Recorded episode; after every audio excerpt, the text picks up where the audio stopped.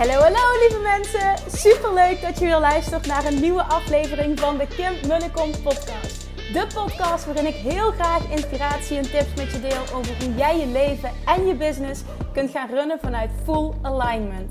Meer voelen en minder denken, want that is where the magic happens.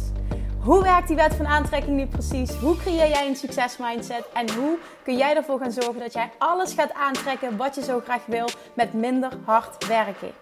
Ik heb er weer super zin in. Let's go!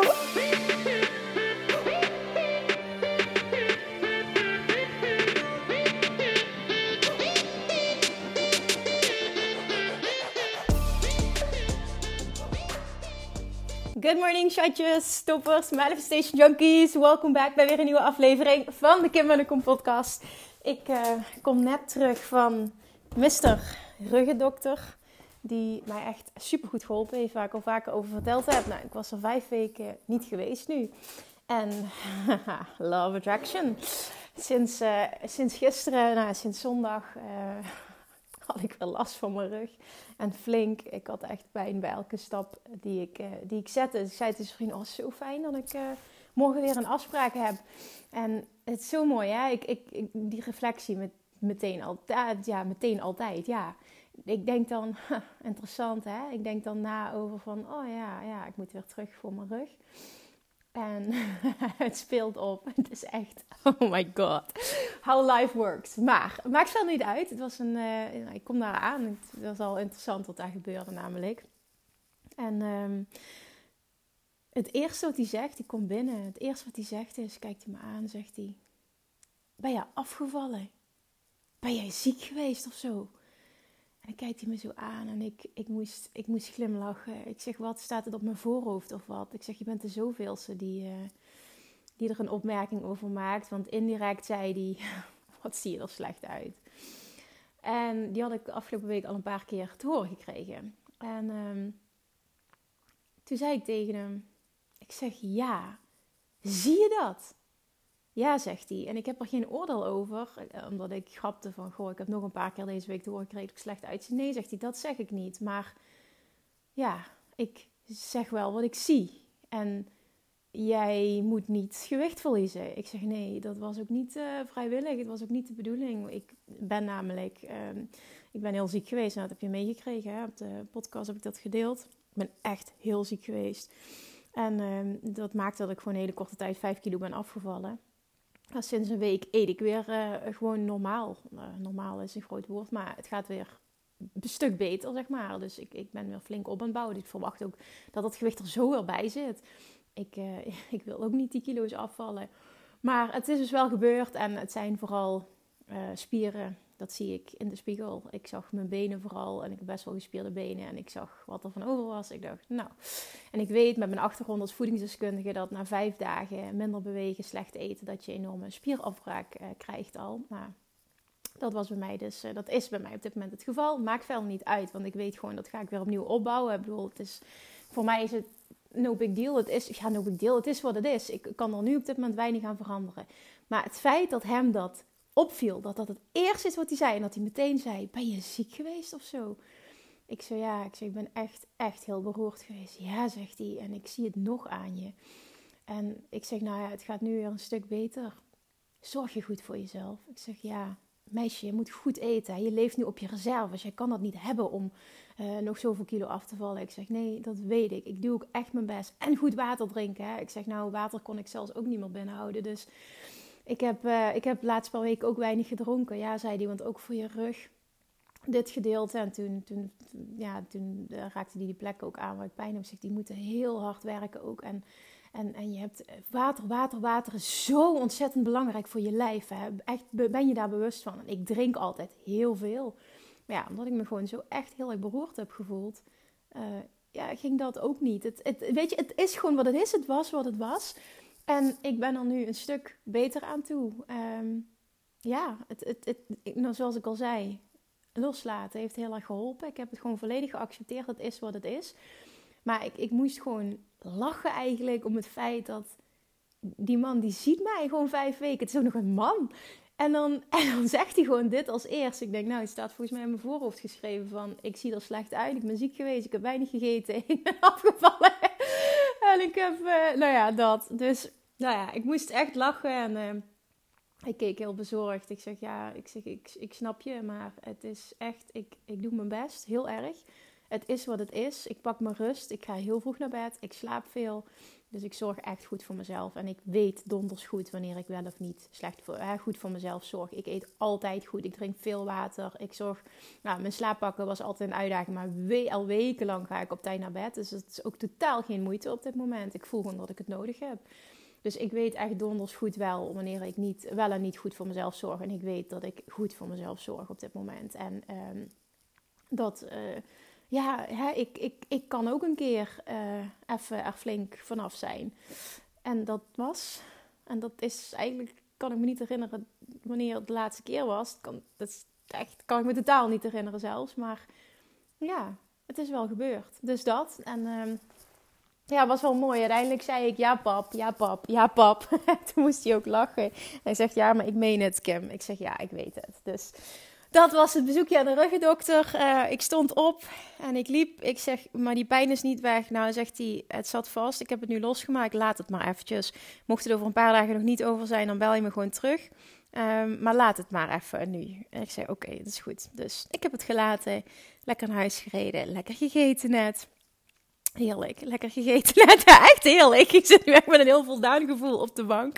En ik dacht, nou, ik wil, uh, ik wil even iets met je delen. Want op de terugweg van, um, nou ja, het is trouwens, de, ik zeg ruggendokter, maar het is een bowentherapeut. Ik heb daar vaker wat over gedeeld. Ik kende dat niet, maar het, het is echt voor mij de uitkomst. Bowen is B-O-W-E-N uh, therapeut. En degene waar ik bij ben, die heet Ver Snakkers. En het is echt een aanrader na maandenlang uh, osteopathie te hebben gedaan en verschillende andere dingen die niet werkten. Uh, is, was dit voor mij gewoon na één behandeling al zo'n verschil. En sindsdien gaat het eigenlijk gewoon steeds beter. Ik had vijf weken nauwelijks last gehad. Dus toevallig nu, ja, nou toevallig is misschien ook niet het goede woord, maar het was nu weer even terug. Maar als ik kijk hoe ik eraan toe ben geweest en dat ik gewoon totaal niet meer kon lopen en mijn rondje niet meer kon wandelen, ik kon niet meer zonder ruggensteun zitten ik was er gewoon echt heel slecht aan toe, ook met mijn rug. En dat gaat nu super goed. Dus dat, nou een heel lang verhaal over die ruggendokter. Ik was gewoon helemaal in shock. Ik dacht echt, staat het op mijn voorhoofd of zo? Wat is dit? Ik vond het gewoon heel frappant dat een man en zo'n, uh, ja, dat, dat, dat dat toch zo opvallend is. Nou ja, dus dat. En ik luisterde op de terugweg een podcast van Wayne Dyer. En dat was zo'n ontzettend mooie. En voor mij zo'n mooie ook. Een, een mooi ja, relativeringsmoment. En ik voelde gewoon, oh mijn god, dit wil ik delen. Want dit is, dit is zo waar. En ik kreeg vanochtend nog een DM van iemand die vroeg van... Goh Kim, hoe blijf je in alignment als je ziek bent? Ik zeg nou, dan uh, luister maar even mijn podcast van vorige week maandag... waarin ik deel over mijn ziek zijn en hoe ik daarmee om ben gegaan. Maar wat er gezegd werd in die podcast, er was een, eh, een gast, werd geïnterviewd, een vriend van Wayne Dyer. En eh, een cardioloog is dat. En uh, die vertelde zijn verhaal. Ik wil dit verhaal even delen, omdat ik weet, dan, dan wordt het visueel en dan, dan, dan blijft dit hangen. Want ik wil echt heel graag dat het blijft hangen. Die man die vertelde van, um, mijn dochter van 27 jaar, die, die kwam um, op een dag mijn, uh, mijn werkkamer binnen. En uh, je voelt als, ouders, als ouder wanneer er iets niet helemaal goed is met je kind.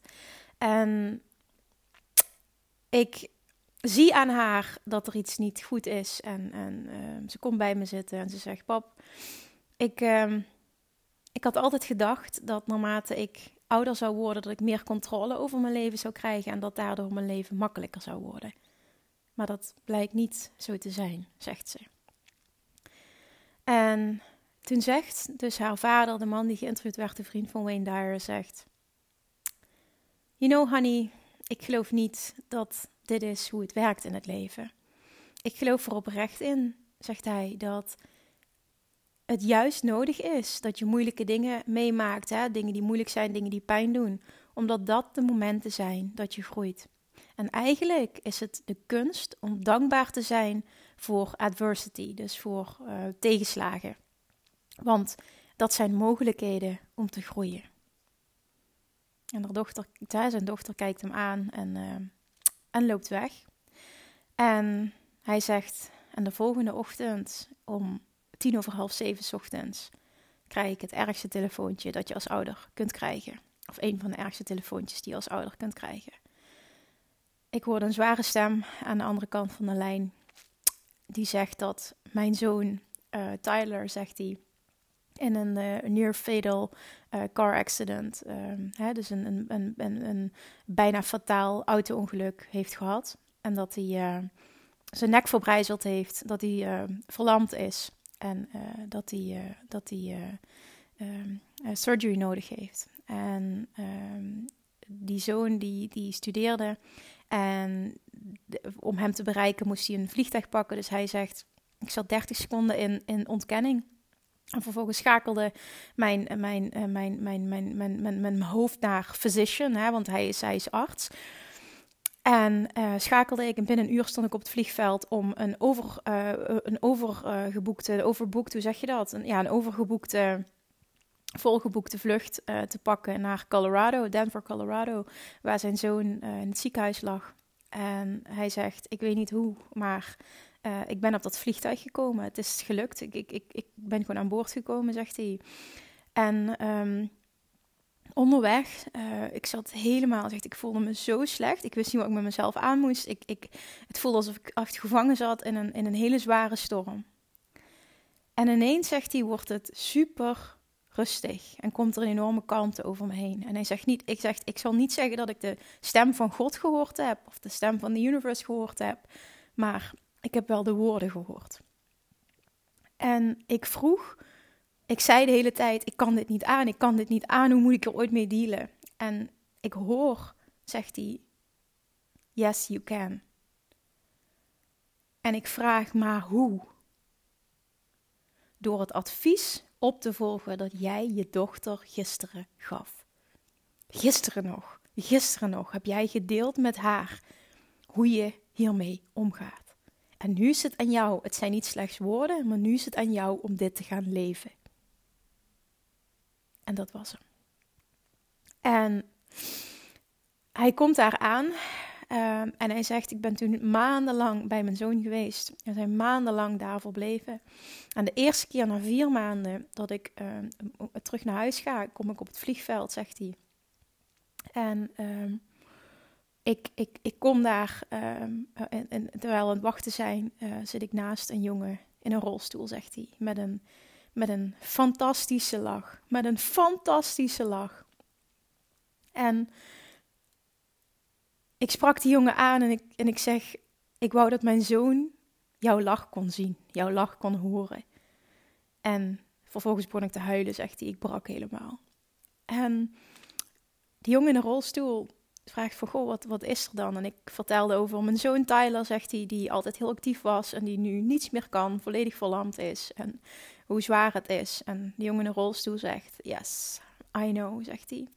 Ik weet het, ik weet het. Ik ben, toen ik 19 was, ben ik in mijn rug uh, geschoten. Heeft iemand met mijn rug geschoten. En uh, ik wist op dat moment dat het klaar was. Ik wist op dat moment dat ik verlamd zou zijn en dat ik de rest van mijn leven in een rolstoel uh, zal komen door te brengen. Hij zegt, en er komt een punt, zegt hij tegen die man. Ik zeg, er komt een punt dat Tyler, jouw zoon, Sooner or later, he is going to have to deal with this. Sooner or later, he's going to have to find a solution. En vroeger of later eh, zul je hiermee moeten dealen. Vroeger of later zul je verder moeten gaan. Hij zegt, en ik zal je vertellen, het gaat niet makkelijk zijn. De eerste jaren daarna waren voor mij pure hell, zegt hij. Maar er komt een punt dat je de beslissing neemt dat je hiermee moet dealen dat je een manier moet vinden om hiermee om te gaan. En Wayne Dyer was stil. En hij zegt, dit is zo'n mooi verhaal, zegt hij. Ik, uh, hij kende het verhaal uiteraard, want de man die geïnterviewd had, heeft er een boek over geschreven. En um, hij zegt, dit doet me denken aan een um, verhaal, een film die ik heb gezien, zegt hij. Ik, ik kan me dit even niet herinneren wat hij precies zei. Hij zegt maar van um, een vader die te horen kreeg dat zijn zoon uh, vermoord is. En uh, s'avonds uh, was er een feest. En die vader ging daar naartoe. En die vader was aan het dansen. En hij kreeg allemaal verschrikkelijke opmerkingen naar zijn hoofd dat mensen niet snapten hoe hij na dit nieuws hier kon zijn überhaupt. En toen zegt die vader: You know what? The moment I found out, the moment I got the news, I knew that sooner or later I was going to have to deal with this. En dit raakte mij zo, zo enorm, omdat wij dit eigenlijk afkeuren in de maatschappij. Dat iemand bijvoorbeeld niet um, uh, de tijd neemt om te rouwen. En ik zeg helemaal niet dat, dat rouwen niet goed is, want rouwen is fantastisch. En het gaat er juist om dat jij jouw proces, jouw proces laat zijn. Dat je het doet op jouw manier. Alleen het punt van dit alles is, en het gaat niet over uh, per over dood of ziekte, maar het gaat echt over adversity in, in, in, in de grootste, in de breedste vorm. Hè, in de breedste zin, uh, tegenslagen in de breedste zin. Het, het, een, een, een, een, een, een relatie die verbroken wordt, een scheiding, een, een ziekte, een, een, een, een financieel verlies. Uh, en ga zo maar door. Adversity, hè, tegenslagen in het leven. En deze zin Sooner or later zul je een keuze moeten maken om door te gaan, om hiermee om te gaan. En dat moment komt. En voor de ene is het een paar weken, voor de andere is het een paar maanden, voor de andere is het een paar jaar. En voor sommigen gebeurt het niet in dit leven dat ze ermee leren dealen. Maar er komt een punt dat je de keuze zult moeten maken om hiermee te dealen. Want het leven gaat verder. En het is jouw taak, en die vond ik zo mooi, om en dat klinkt heel dubbel, hè? maar ergens is het zo mooi. Ik, ik merk dat ik emotioneel ben terwijl ik dit vertel. Het een brok in mijn keel. Dat, dat je dankbaar mag zijn voor de dingen die op jouw pad komen. Ook al doen ze gruwelijk veel pijn.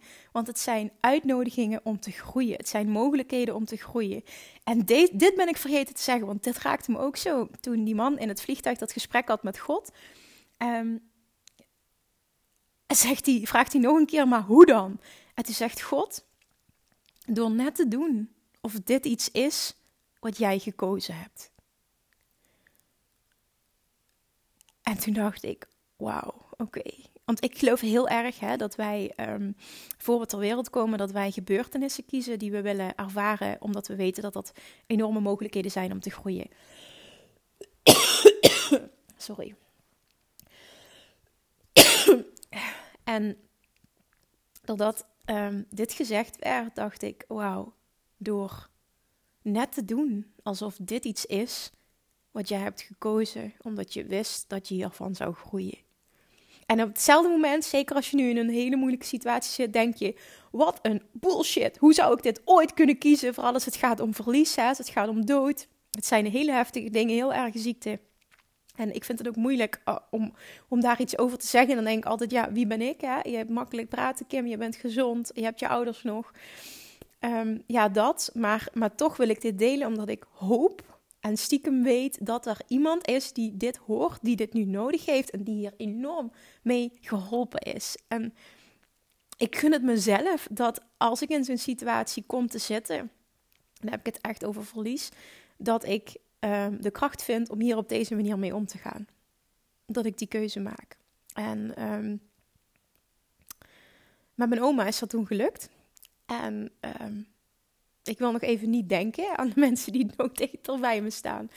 Maar als je hem breder pakt en het gaat over alles, hè? het gaat over gezondheid, het gaat over financieel verlies, het gaat over een relatie die kapot gaat, die jij eigenlijk helemaal niet wil dat verbroken wordt, maar de ander bedriegt je of gaat weg of wat dan ook.